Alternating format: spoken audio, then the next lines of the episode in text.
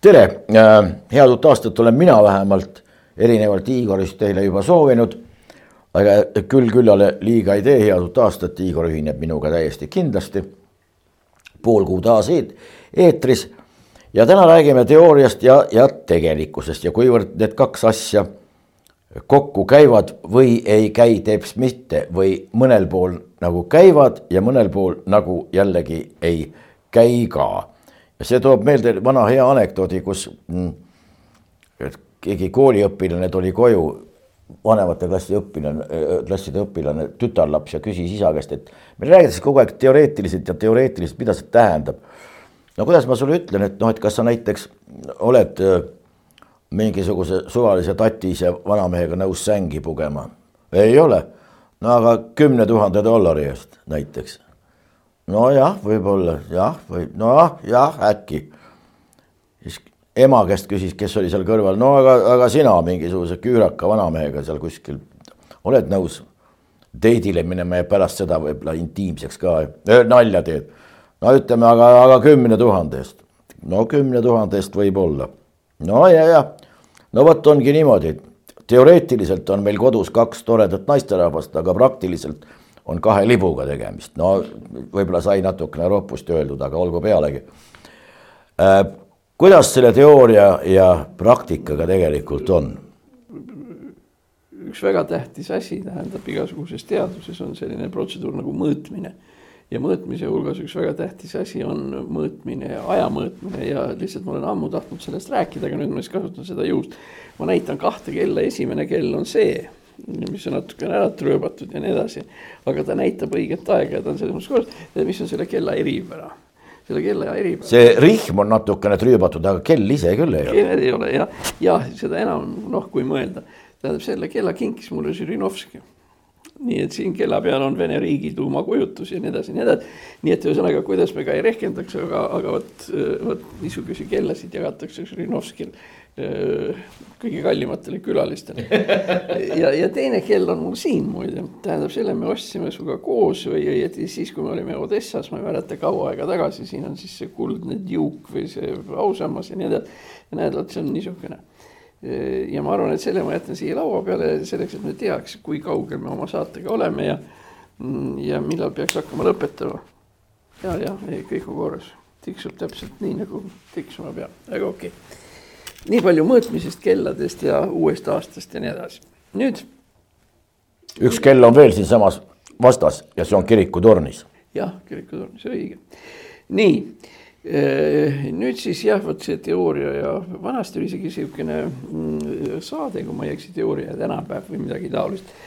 aga tähendab, see teema, milles me tahame rääkima hakata, on pärit tegelikult juba noh, sellest ajast, kui Riigikogu hakkas siin eelarvet vastu võtma ja siis saadi hakkama ühe iseenesest toreda asjaga, et esimest korda teadusele eraldatav raha hakkas moodustama ühte protsenti rahvuslikust või noh, kõigist eelarvelistest kuludest, niisiis üks protsent. seniajani oli vähem, nüüd siis üks protsent ehk teiste sõnadega meil on siis nüüd lõpuks jõutud no sellise finantseerimiseni teaduse vallas mis on noh, võrreldav mitmete teiste riikidega, näiteks, näiteks meie eeskuju ja sõbra Soomega. aga niipea, kui see üks protsent tekkis, peaks tekkima, aga kahjuks veel ei ole tekkinud, peaks tekkima mõte sellest, mida selle ühe protsendi rahaga tegelikult teha. ja tähendab, ja hakata mõtlema, tähendab, milliste asjade peale kulutada, no väga lihtne näide, näiteks no üks asi kuhu peaks osa sellest ühest protsendist minema, on näiteks teadlaste palgad. siis üldiselt ka enamiku ülikooli õppejõudude palgad, kes ju ametlikult tegelevad ju ka teadusega ja nii edasi. nii et noh, see on noh, nagu ütleme, üks koht ja kohe noh, palja silmaga nähtav, aga nüüd edasi, edasi, kuhu kohta siis sellest ühest protsendist tulenev, mm, tulenev raha, kuhu ta siis edaspidi peaks minema? nii no üks, üks. ega keegi ei, äh, seda, seda, sa esitasid praegu küsimuse, mis meil püsti kunagi siiamaani ei ole olnud ametlikul tasemel. kallid sõbrad, kallid teadlased, me anname teile ühe protsendi, mida me selle eest vastu saame, siis tuleb mingisugune müriaad vastuseid sellest, sellest konverentsist osa võetud, seal käidud, seda nii, nii, nii selge, seal käisite, seda nägite, sellega kohtusite, sellega rääkisite. ilma nende asjadeta loomulikult ka ei saa. Aga mis on teie teadusliku tegevuse produkt ehk siis väljund? mis, mis, mis see on? jah, no me võime. seda küsimust ei ole ka püsti olnud. ei ole püsti olnud. ja tähendab, siin me peaks nagu vastuse saama sellisel teel, et äh, teaduses ei ole võimalik prognoosida teadusliku tegevuse täit tulemust, tähendab, avastati see või, või teine või kolmas, no Dmitri Mendelejev ei saanud öelda, et me nüüd kümne aasta pärast teeme siis keemilise perioodilisuse süsteemi või, või ega Newtonilgi ei olnud see asi ette teada kümne aasta kaupa, kuni tulevad kolm Newtoni seadust ja nii edasi. nii et selles mõttes prognoosida ei saa küll aga peaks olema võimalik prognoosida, milliste katsete seeriatega meil on tegemist vot noh, kontrollime seda, seda, seda, viime läbi need, need katsed ja nii edasi. kusjuures on täiesti loogiline öelda, aga me ei tea, mis need katsed annavad. Küll aga me, see, et me teeme selle katseseeria ühel või teisel kujul läbi. Võib-olla üks kõige parem näide on, on see kuulus äh, aparaat, mille nimi on CERN, C-E-R-N, mis asub siis äh, Kesk-Euroopas ja Šveitsi juures, mis tegelikult kujutab endast ühte hirmus suurt sõõrikut või barankat mida kasutatakse selleks, et saada, saada kiirendada jah, elementaarosakesi ja, ja eriti kui need veel põrkuvad ka omavahel, siis võivad tekkida veel väiksemad osakesed ja nii edasi, nii edasi, nii edasi. CERN ei ole andnud veel kuigivõrd kapitaalseid vastuseid elementaarosakeste kohta, no näiteks mis elementaarosake, kõige lihtsam asi, mis on inim, inimkonna jaoks lahendamata ja mida püüdis Einstein lahendada, on gravitatsioon, raskustung, mille pärast üldse gravitatsioon töötab ja mis sa ja küll oleks tore, kui me saaksime antigravitatsiooni, nii nagu elektril on pluss ja miinus nii ütleme, gravitatsioonil võiks olla ka antigravitatsioon. no kujuta endale ette, tähendab, milline rõõm see oleks, kui selle antigravitatsiooni kätte saaks. Rakettide lennutamiseks pole ju enam praktiliselt mitte mingisugust kütust vaja, vaid kasutades antigravitatsiooni lihtsalt, lihtsalt noh, rakett põrkub maast eemale ja läheb kuhu iganes. Kui, kui need oleks kontrollitavad, no aga ei ole, ei ole, midagi sellist saadud ei ole, küll aga on saadud äh, sadu erinevaid erinevaid teisi selliseid vahetulemusi, küll uusi materjale, küll teatud omaduste, juhitavate omadustega materjalid ja nii edasi, nii edasi, nii edasi.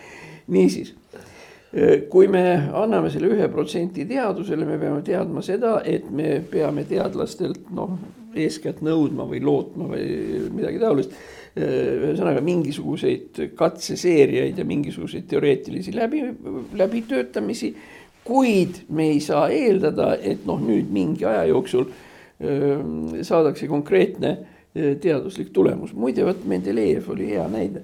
Mendelejev, eks ole, kõik teavad perioodilisuse süsteemi, koolis on kõik seda asja õppinud, see on keemia A ja O, tänapäeval veel eriti tähtis, kus me teame kõiki neid aatomite ja Mendelejeval sama tabel, kus koha peal oli oluliselt vähem ja, elemente, kuhu on pidevalt juurde tulnud. jah, kus praegu, kusjuures, aga huvitav ei ole mitte see, et, et see tabel tehti, kuigi tabel on ka muidugi tore asi. aga tähendab see, mida Mendelejev ise pidas oma teadusliku töö kõige suuremaks saavutuseks. ja tema on kirjutanud artikli, mille laias laastus pealkiri on on erineva raskusega ja erineva kontsentratsiooniga piirituste lahustamisest vees. ehk teiste sõnadega Mendelejev saavutas selle, et ta määras kindlaks, kui kõva peab olema vene viin. ja, ja see isegi ei ole mitte täpselt nelikümmend kraadi, vaid Mendelejevi järgi kolmkümmend üheksa millegagi ja noh, tol korral oli Venemaal häda ju selles, noh muide nagu siin Eestiski, eks ole, et, et igaüks pruulis viina nii nagu ise oskas ja oli, oli ühtepidi hea viin ja teistpidi Astrahani viin, Saratovi viin ja need kõik olid väga erinevad. ja nüüd ütleme, keisri huvides oli see, et alkohol tuleb maksustada ühtlaselt ja sujuvalt. aga selleks on vaja teada, milline õige ja milline see standard on. ja see oli siis nagu Mendelejevi panus, mille eest ta sai ka autasustatud, oli Mendelejevi panus Vene no raske öelda teadusse, aga igal juhul noh, Vene teatavasse tootmisesse oli see, et, et Mendelejev mõtles välja Vene viina sellisel kujul, nagu ta praegu eksisteerib. nii et noh, siit nüüd moraal, et, et, et seesama kiirendi CERN võib taga ajada mingisuguseid uusi elementaarosakesi ja nii edasi, aga tegelikult paralleelselt sellega ta annab mingisugused uued ja hoopis teised. aga see on eluaeg niimoodi olnud, Paracelsus ju noh, leiutas tõelisel või keskajal, pimedal keskajal tehti teadust, kutsuti neid ju alkeemikuteks, no ta filosoofiline kivi või, või siis eluvedelik, elueliksiir, kuidas keegi neid asju kutsus ja neid leiutati kogu aeg, aga see nende eksperimentide käigus leiutati terve rida elemente, stiibium, antimon no mis, mis saadi kätte, mis, mis visati õue, tähendab, midagi ei tulnud sellest järjekordsest elueliksiirist välja. ta viskas selle, ta töötas ühes kloostris, Paracelsusest jutt.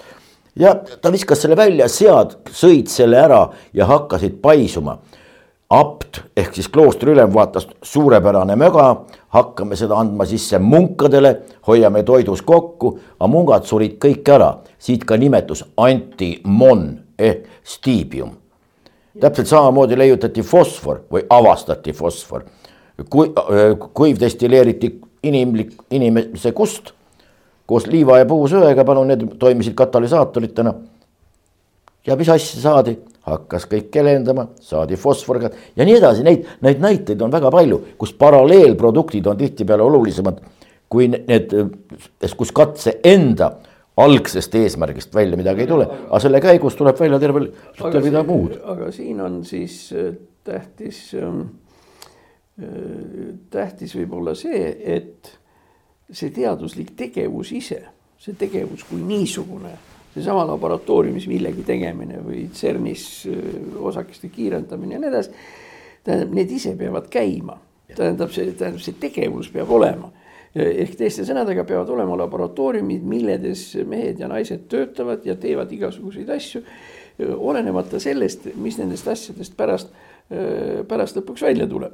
nii et antud juhul ütleme, see osa poliitilisest teadvusest, mis meil nagu on läbi jooksnud, noh, me anname nüüd ühe protsendi ja siis me saame selle teaduse mingisugused tulemused, see lihtsalt ei vasta tõele.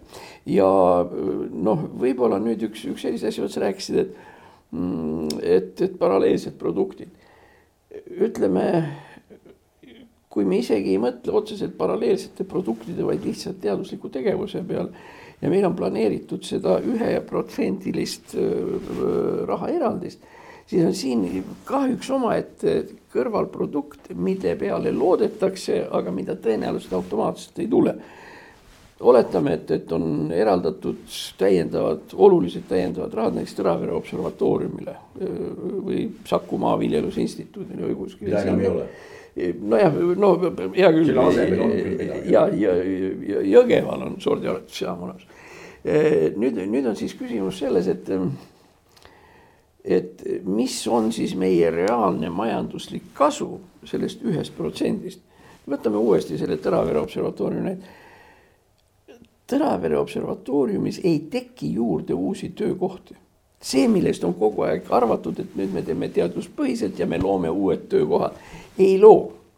sellepärast, et teadlaseks saamiseks peab hakkama kõigepealt magistriks, pärast seda doktoriks ja siis läheb ja siis ta läheb käima aga nüüd nagu korra siin kuskil jooksis läbi isegi seoses Tõraverega, et, et noh, kui siin nüüd finantsid lähevad, et, et siis Tartumaal, Elva kandis ja nii edasi tulevad uued töökohad, küsimus kust sellepärast et, et noh, andekas või lihtsalt normaalse tasemega teadlane ei sünni, ütleme sealt Reolast või Antslast või, või kuskilt niimoodi. tähendab selle, see tuleb kas Tartu Ülikoolist või veel kuskilt ja, ja, ja need. ta võib Reolas sündida täiesti vabalt. jah, aga see ei puutu asjasse ja kõige puurim lugu on siis nüüd see, et kui isegi mingisugused kohad või töökohad sinna tekivad, siis need on noh, ütleme sealsamas koristaja, tõenäoliselt näiteks puusepp, kes teeb seal teadlastele mingeid laudu, võib teha ja nii edasi, nii edasi. ja koolmeister, kohalikud koolid, kõik need küll. jah, ja, ja ühesõnaga need võivad tekkida, tähendab, võivad tekkida. intelligents täitsa vabalt. jah, aga, aga see ei tekita neid töökohti, millest me räägime. tähendab, ühesõnaga Tõravere observatooriumi töökohad ei tulene sellest, et äh, on kusagil Elva taga või, või, või, või seal Reola kandis või nii edasi, on kunagi olnud sovhoos, kolhoos või seal on siis näiteks põllumajanduslik tootmine ära kadunud, et noh, nüüd meil on inimesed, jäävad kümme, kakskümmend inimest üle kes töötasid selles põllumajanduslikus ettevõttes mm. -hmm. tähendab inimesest, kes, kes on täiesti fantastiline lüpsja ja nii edasi, no ei tule isegi väga kehva astronoomi tähendab, siin toimub see hüpe ja vot ja see on nüüd see koht, kui me rääkisime, oi, me läheme nüüd teadusepõhiseks, me teeme seda, seda, et meil tekivad uued töökohad, me peame meeles pidama, uusi töökohti sellest ei teki. töökoht eesmärgina, tead, niipea kui ma seda, seda kuulen, mul esimene asi, mille peale ma mõtlen, on Torquemada, kes oli geniaalne töökohtade looja, sellepärast et tohutu suured laevastikud. see suur inkvisiitor pani kõik laevade peale tööle galeeri orjadeks, igalühel oli niisugune koht pingi peal, kus ta sai sellest aerust kinni hoida. ja siis lihtsalt, aga koht oli olemas, aga mida sa veel tahad, meil on täpselt seesamane asi, töökohtade loomine, kõige olulisem. No. see on, kui seda on vaja, see on vaja, aga see on, saab olla ainult vahendiks, eesmärgina. No on seda täiesti jabur kuulda. ühesõnaga, ühesõnaga vot see värk, et üleminekut teaduslikust tegevusest ja, ja teaduslikust teadmisest töökohani tegelikult ei eksisteeri. tähendab, ei saa olla nii, et Tõravere observatoorium alustas kaks või kolm uut fantastilist toredat programmi. ja et selle arvelt nüüd on siis selge, et nüüd siis noh, Taevaskojas ja Valgemetsas ja nii edasi. noh, hakkavad inimesed tööl käima, sellepärast et Tõravere observatooriumis on uus programm. tähendab, vot see nüüd ongi selle ühe protsendi arvutamise juures väga oluline silmas pidada, see üks protsent see tõenäoliselt läheb, me veel ei tea päris täpselt, aga see läheb tõenäoliselt selle tippteaduse juurde, aga see ei transformeeru nendeks taolisteks töökohtadeks, mida meie noh, nagu otsime et, et tekitada, tekitada selle. töökohtadest rääkides, ega keegi ju ei räägi meile mingitest teadlaste ametikohtadest no,. Isegi mitte ametikohtadest, vaid meil räägitakse töökohast. pane tähele, ei ei mingist kutsest, erialast ega, ega ametikohast, mitte midagi, kõik räägivad töökohast, aga mul töökoht on, aga tööd ei ole. Ja, ja, ja, ja. No. no see on nüüd see meie alguse koht, tähendab üks protsent no,, et siis, kui me alustame äh, sellega. nüüd äh, mm, järgmine niisugune oluline asi on see, et meil äh, selle teadusliku juhtimise ja teaduspõhise juhtimise all siin on nagu kaks aspekti, teine on, puudutab ühiskonnateadusi, aga see nüüd äh, siin on nüüd jällegi küsimus selles, et, et teaduspõhine Eesti majandus, Eesti tööstus, nii edasi areneb.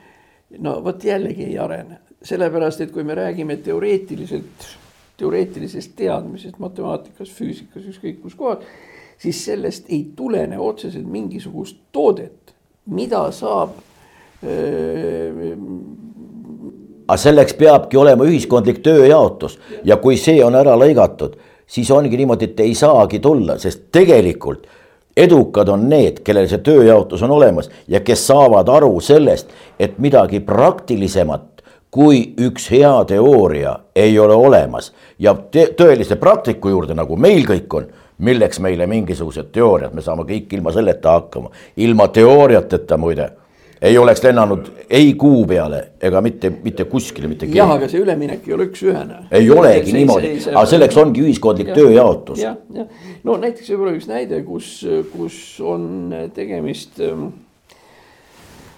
teadmisega, mis ei ole teadus on võib-olla Elon Musk kõigi oma nende rakettidega, mis äh, maanduvad nagu pliiatsid me ei saa pliiatsit laua peale nii püsti panna, nagu Elon Musk paneb oma raketi, mis sealt äh, ülevalt tuleb. ja, ja, ja, ja, ja vaata siin nüüd ongi see koht, kus meil on täiesti selgelt olemas vahe ja selline teatav lünk või, või paus või nii edasi.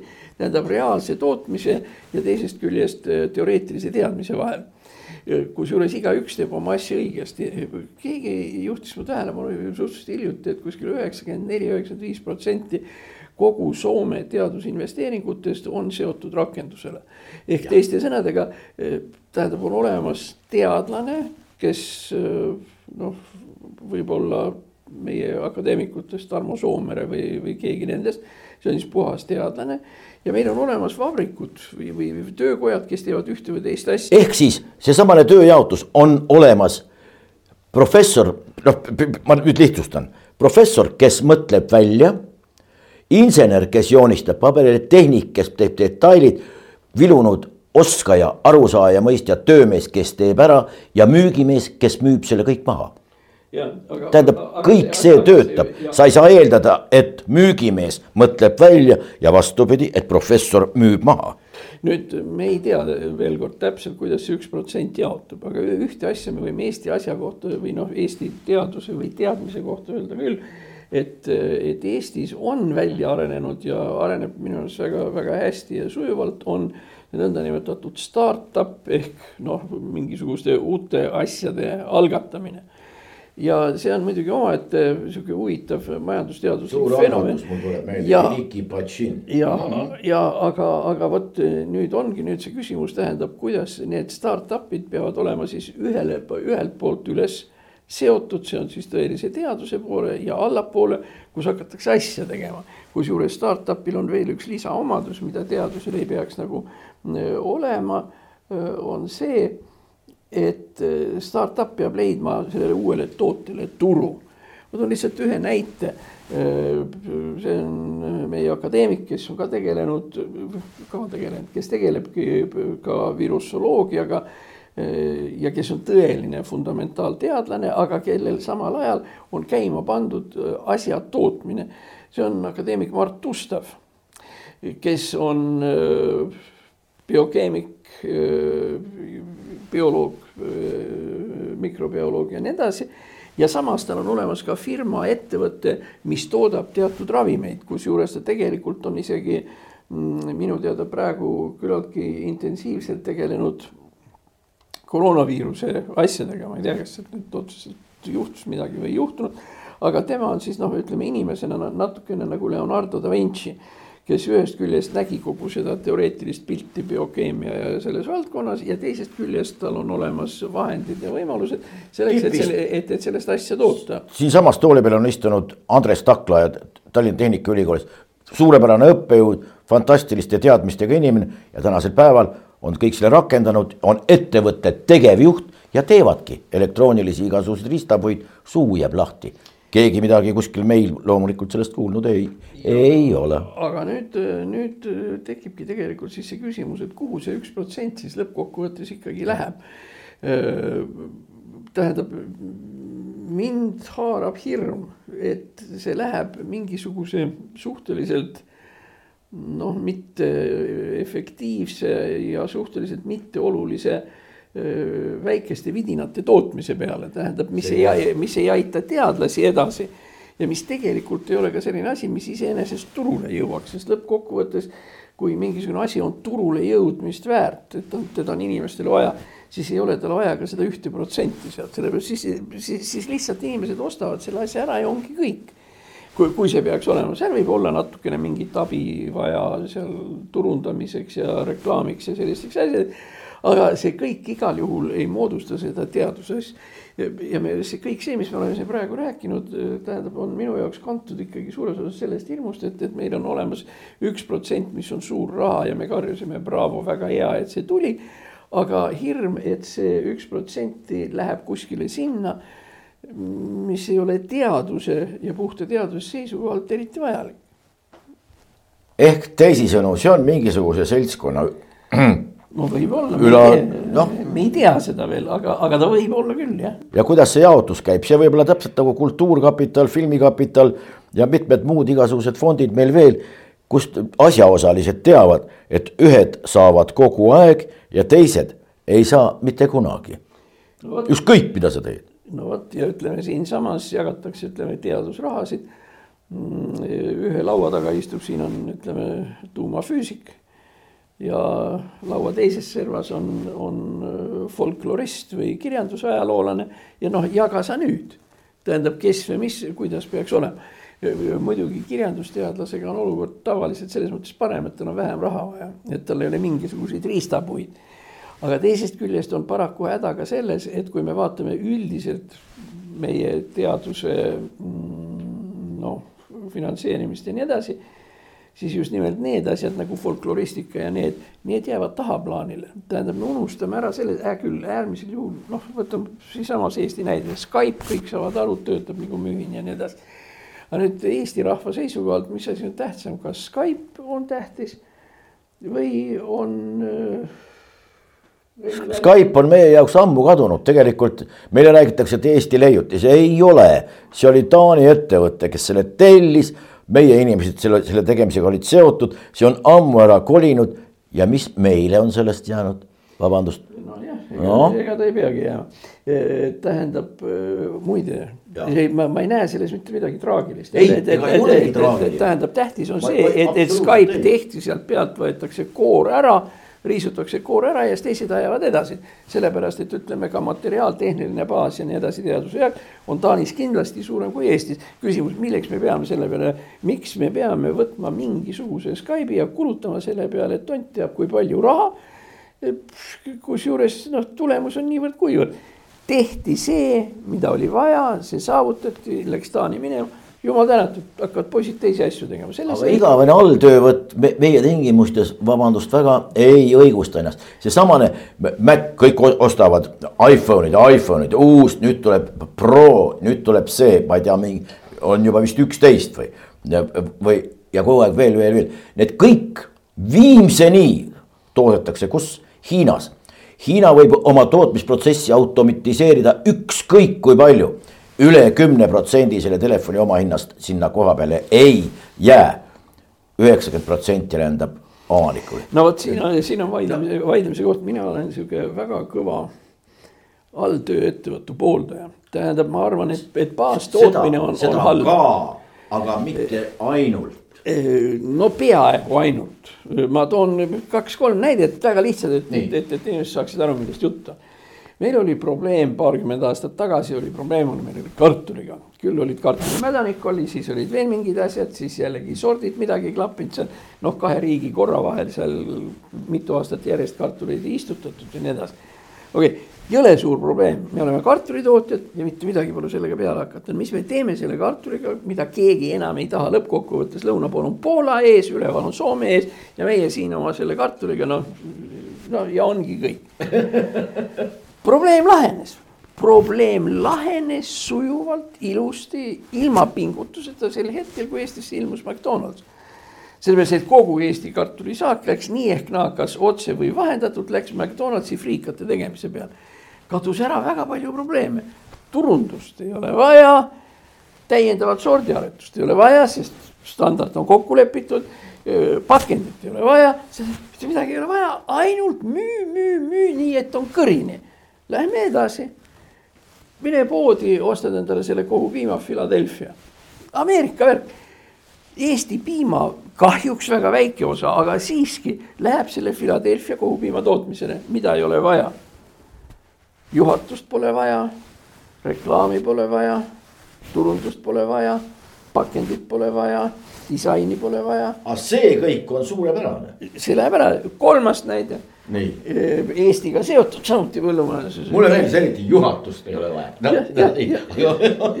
olgu peale. kolmas näide, ketšup, seesama asi jällegi tähendab, meil on, meil on mitmete asjadega, aga meil on ka tomatid, millest, millest me ise lahti ei saa, no hea küll, meil on luunjas, me saame igasuguseid muid toredaid asju.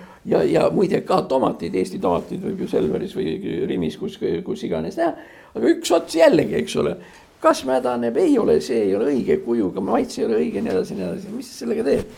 muide, mis sa teed mädanenud tomatitega, mis sa teed neist?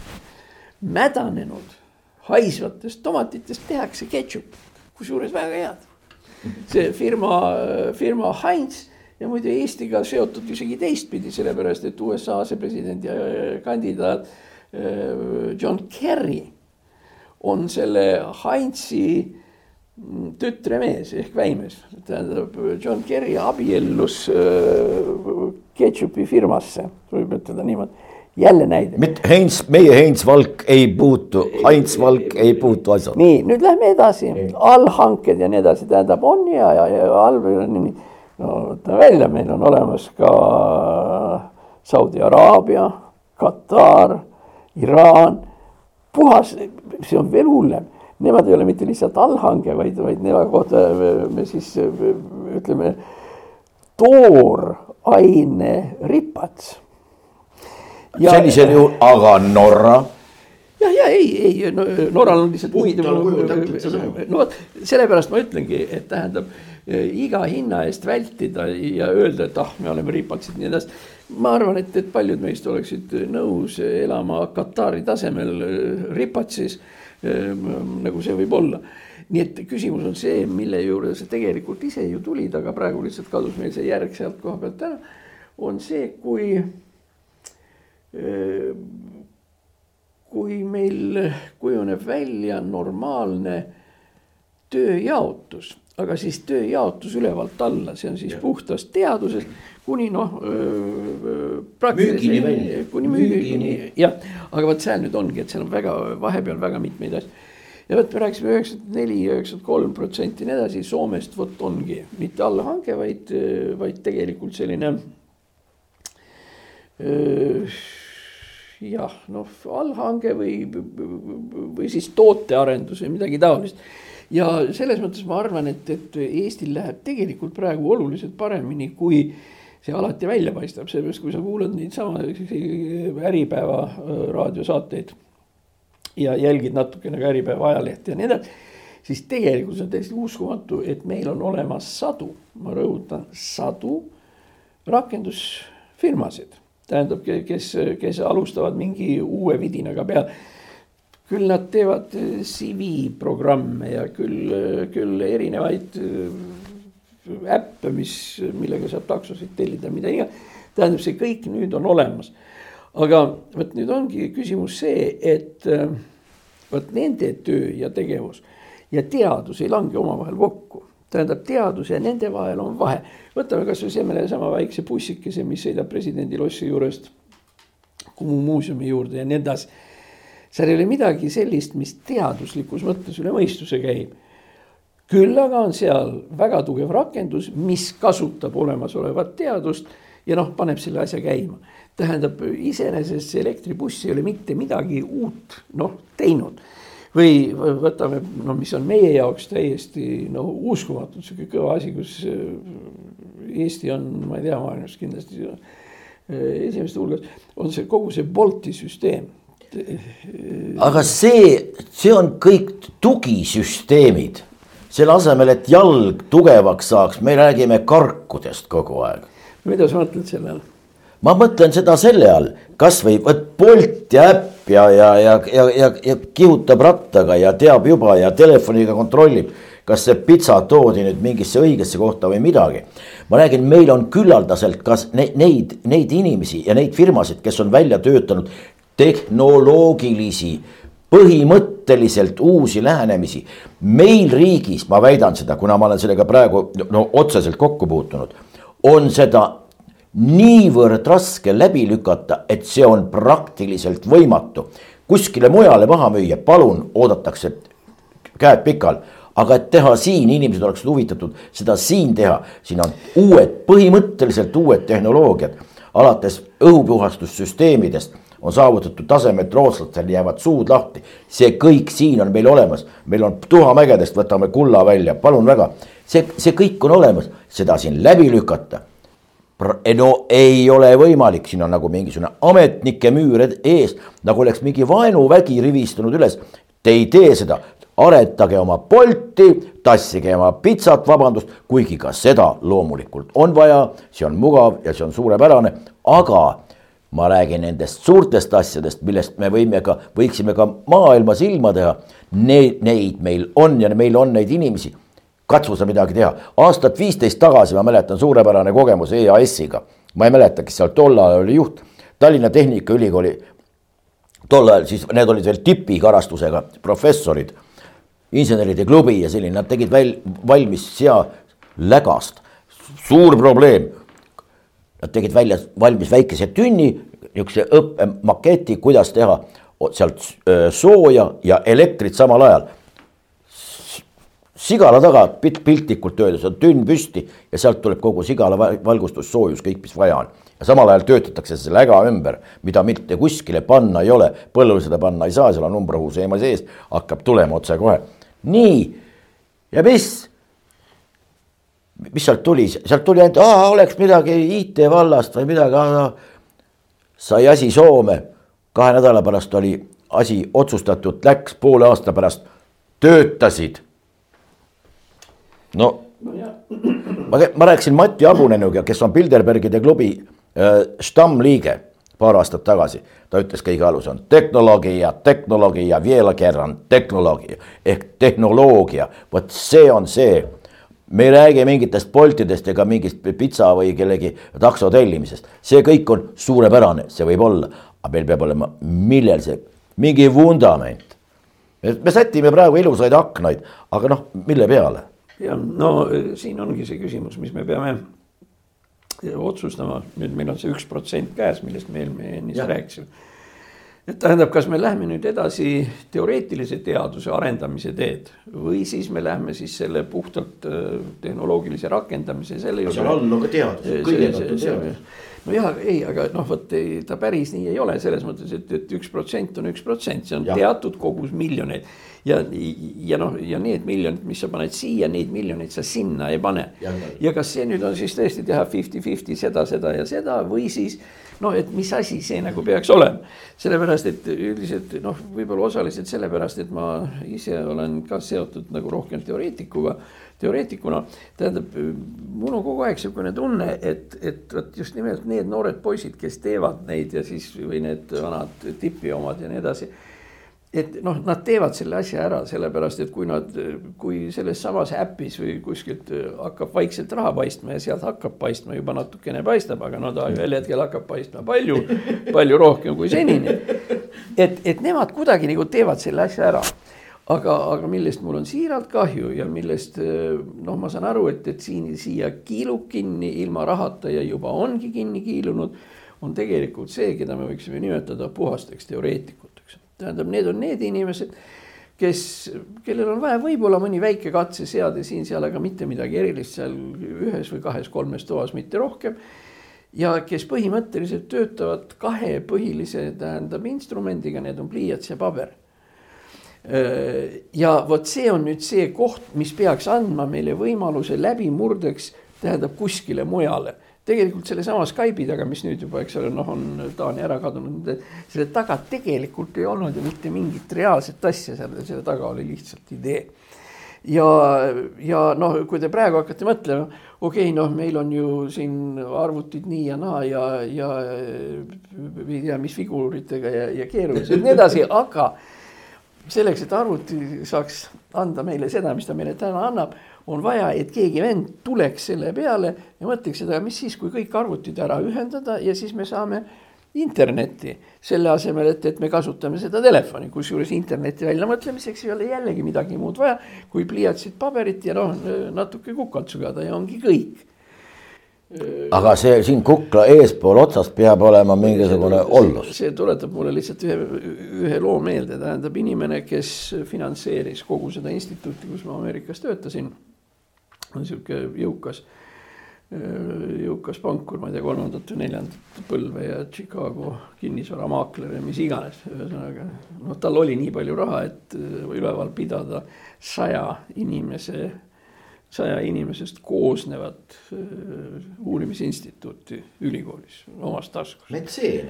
nojah, metseen jah. Kusjuures muide, tal ei olnud kõrgemat haridust, tal öeldi neljandalt kursuselt mingi jama pärast minema. aga no hea küll, see selleks. aga tema ütles, et, et Frank Potentsiaani oli tema nimi ja tema ütles, et ta loodab, et kunagi inimkond püstitab talle ausamba ja ma ütlesin, noh, miks. ta ütles, vot asi on selles, et isa pani ta oma panka telleriks seal, kus oli kaks-kolm inimest istusid seal akna taga.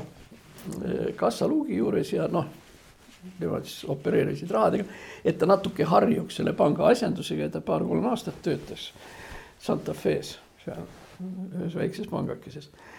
ja siis tulid sinna kaks poissi, tähendab paljaste jalgadega ja sihukesed noh, imeliku olekuga ja ja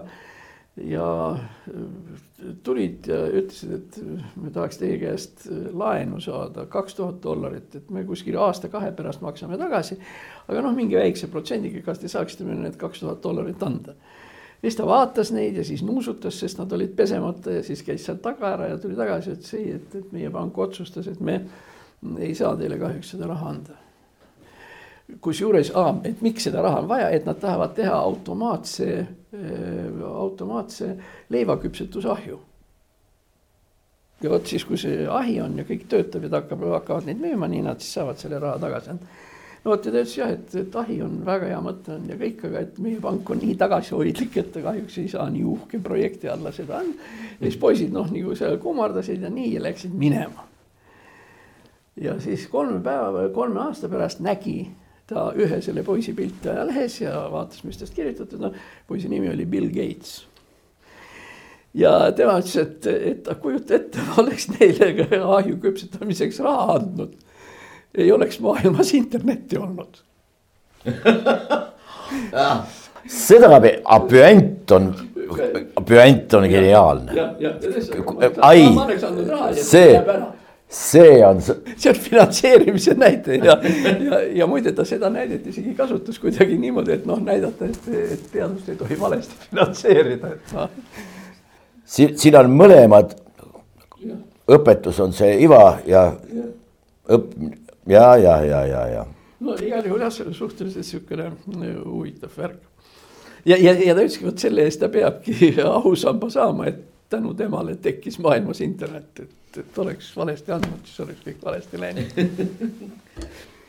Selles mõttes on ju meil ülikoolid alla käinud, ma, ma, ma väidan seda, nagu ma siin istun, et õppejõud saavad te tekkida ka tegelikult ainult teadusliku töö käigus. ja meil nimetatakse teaduslikuks kõike seda, mis sageli ka üldse teadus ei ole, seesamane sotsiaalteadus on langenud meil tasemele, kus ta tõesti, noh, inimesed naeravad juba, et mis, see on jälle mingisugune no, no, kus ta enam teadust tõepoolest ei ole, aga tegelikult on tegemist suurepärase asjaga. ühte nende haru näiteks ka sedasama seda seitsmekümnend, vabandust, juba natukene varem avastatud kognitiivset dissonantsi, mida ameeriklased, Vietnam, noh, sõda pakub ju materjali alati, seda varjati hullemini kui tuumapommi saladust ja see, kes selle lõppude lõpuks leki-, lekitas. tegemist on manipulatsioonimehhanismiga, mis paneb hüppama või vastupidi, lamama miljoneid ja miljoneid nende enda teadmata, nende enda suure rõõmu, rõõmukisa ja hõisete saatel. seda maailmast praegu vaatad, toimib suurepäraselt ja, ja neid, neid tehnikaid on väga palju. see on nüüd tõeline sotsioloogia, sotsioloogiat kasutas meil ka Ritterschaft, mis hoidis kohalikku talurahva siin täpselt sellises olekus, nagu ta meil praktiliselt tänase päevani on. praegu veel maga, magab veel, et vaata, et rohkem no võib-olla siis noh, me rääkisime siin nagu loodusteadustest, küll oli siin internetist praegu juttu.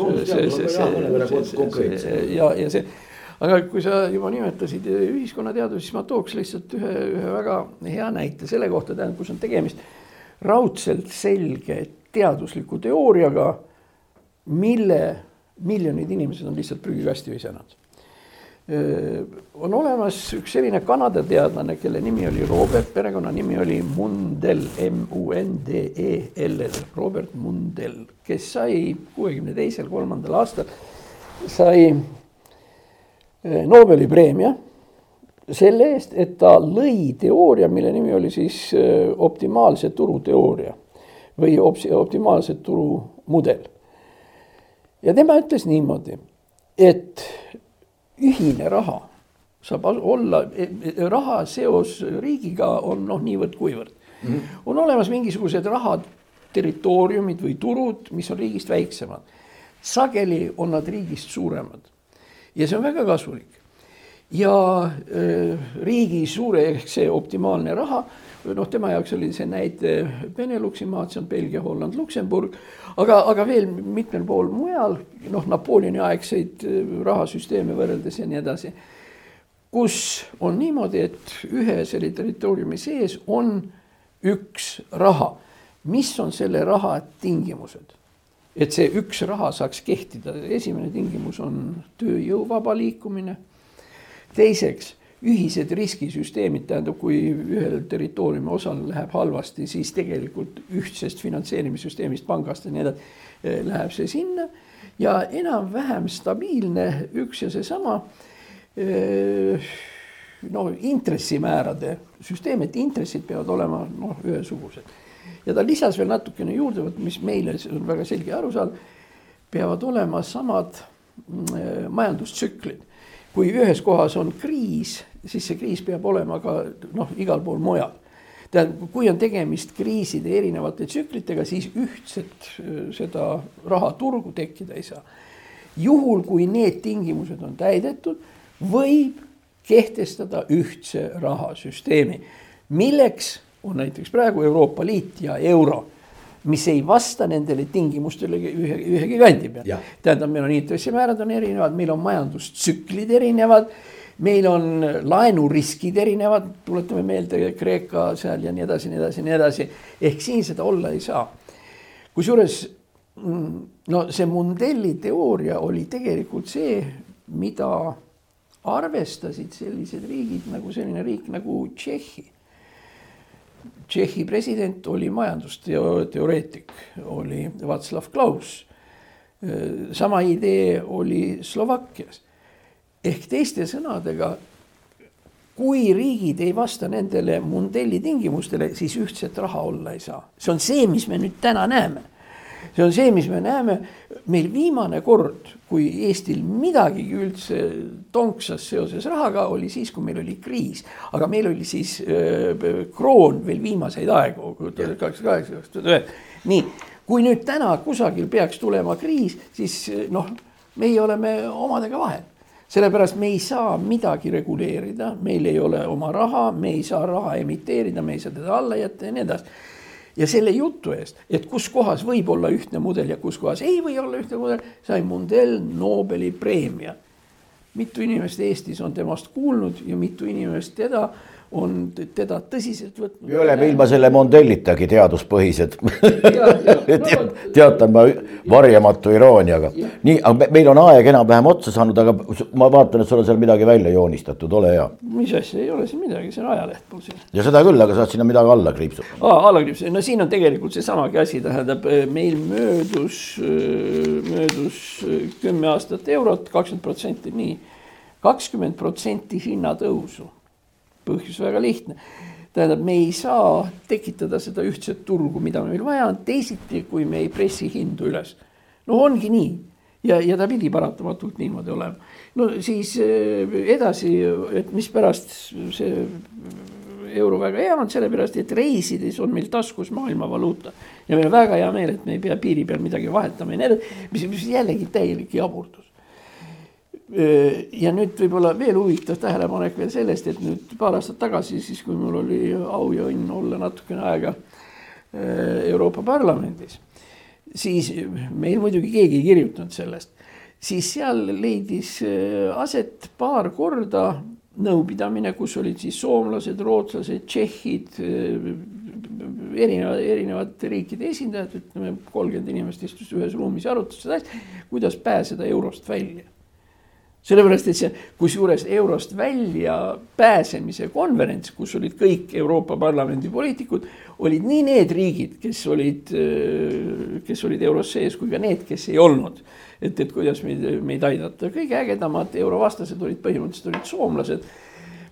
Nemad esitasid kah sihukese toreda argumendi umbes selle Eesti argumendi tasemel, et, et mark oli väga ilus raha tore, aga noh no see, no see järeldus oleks siis vast nii, et ka ühiskonnateadustes, näiteks see Mundelli teooria, see teooria on olemas ja kõik on selge, kuidas asjad peaksid olema, aga nii edasi, aga puudub tahe sellest teooriast aru saada ja seda teooriat rakendada.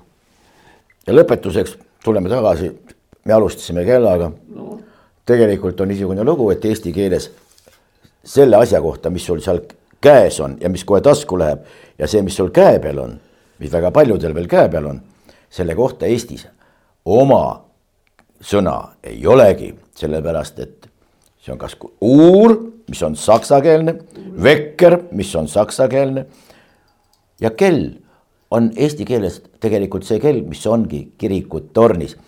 kell ajanäitajana tuli Eesti vallamajadesse esimesena, kõigest natuke üle saja aastat tagasi. enne seda käis aeg, aja arvamine, aastaaegade looduse järgi. noh, ja kaasa aitas ka seesamane kell kirikutornis nii, aitäh ja loodame, et uus aasta tuleb parem kui eelmine oli, sest no sest, sest eelmise aastaga võrreldes hullemaks ei saa ju minna. ei, ei.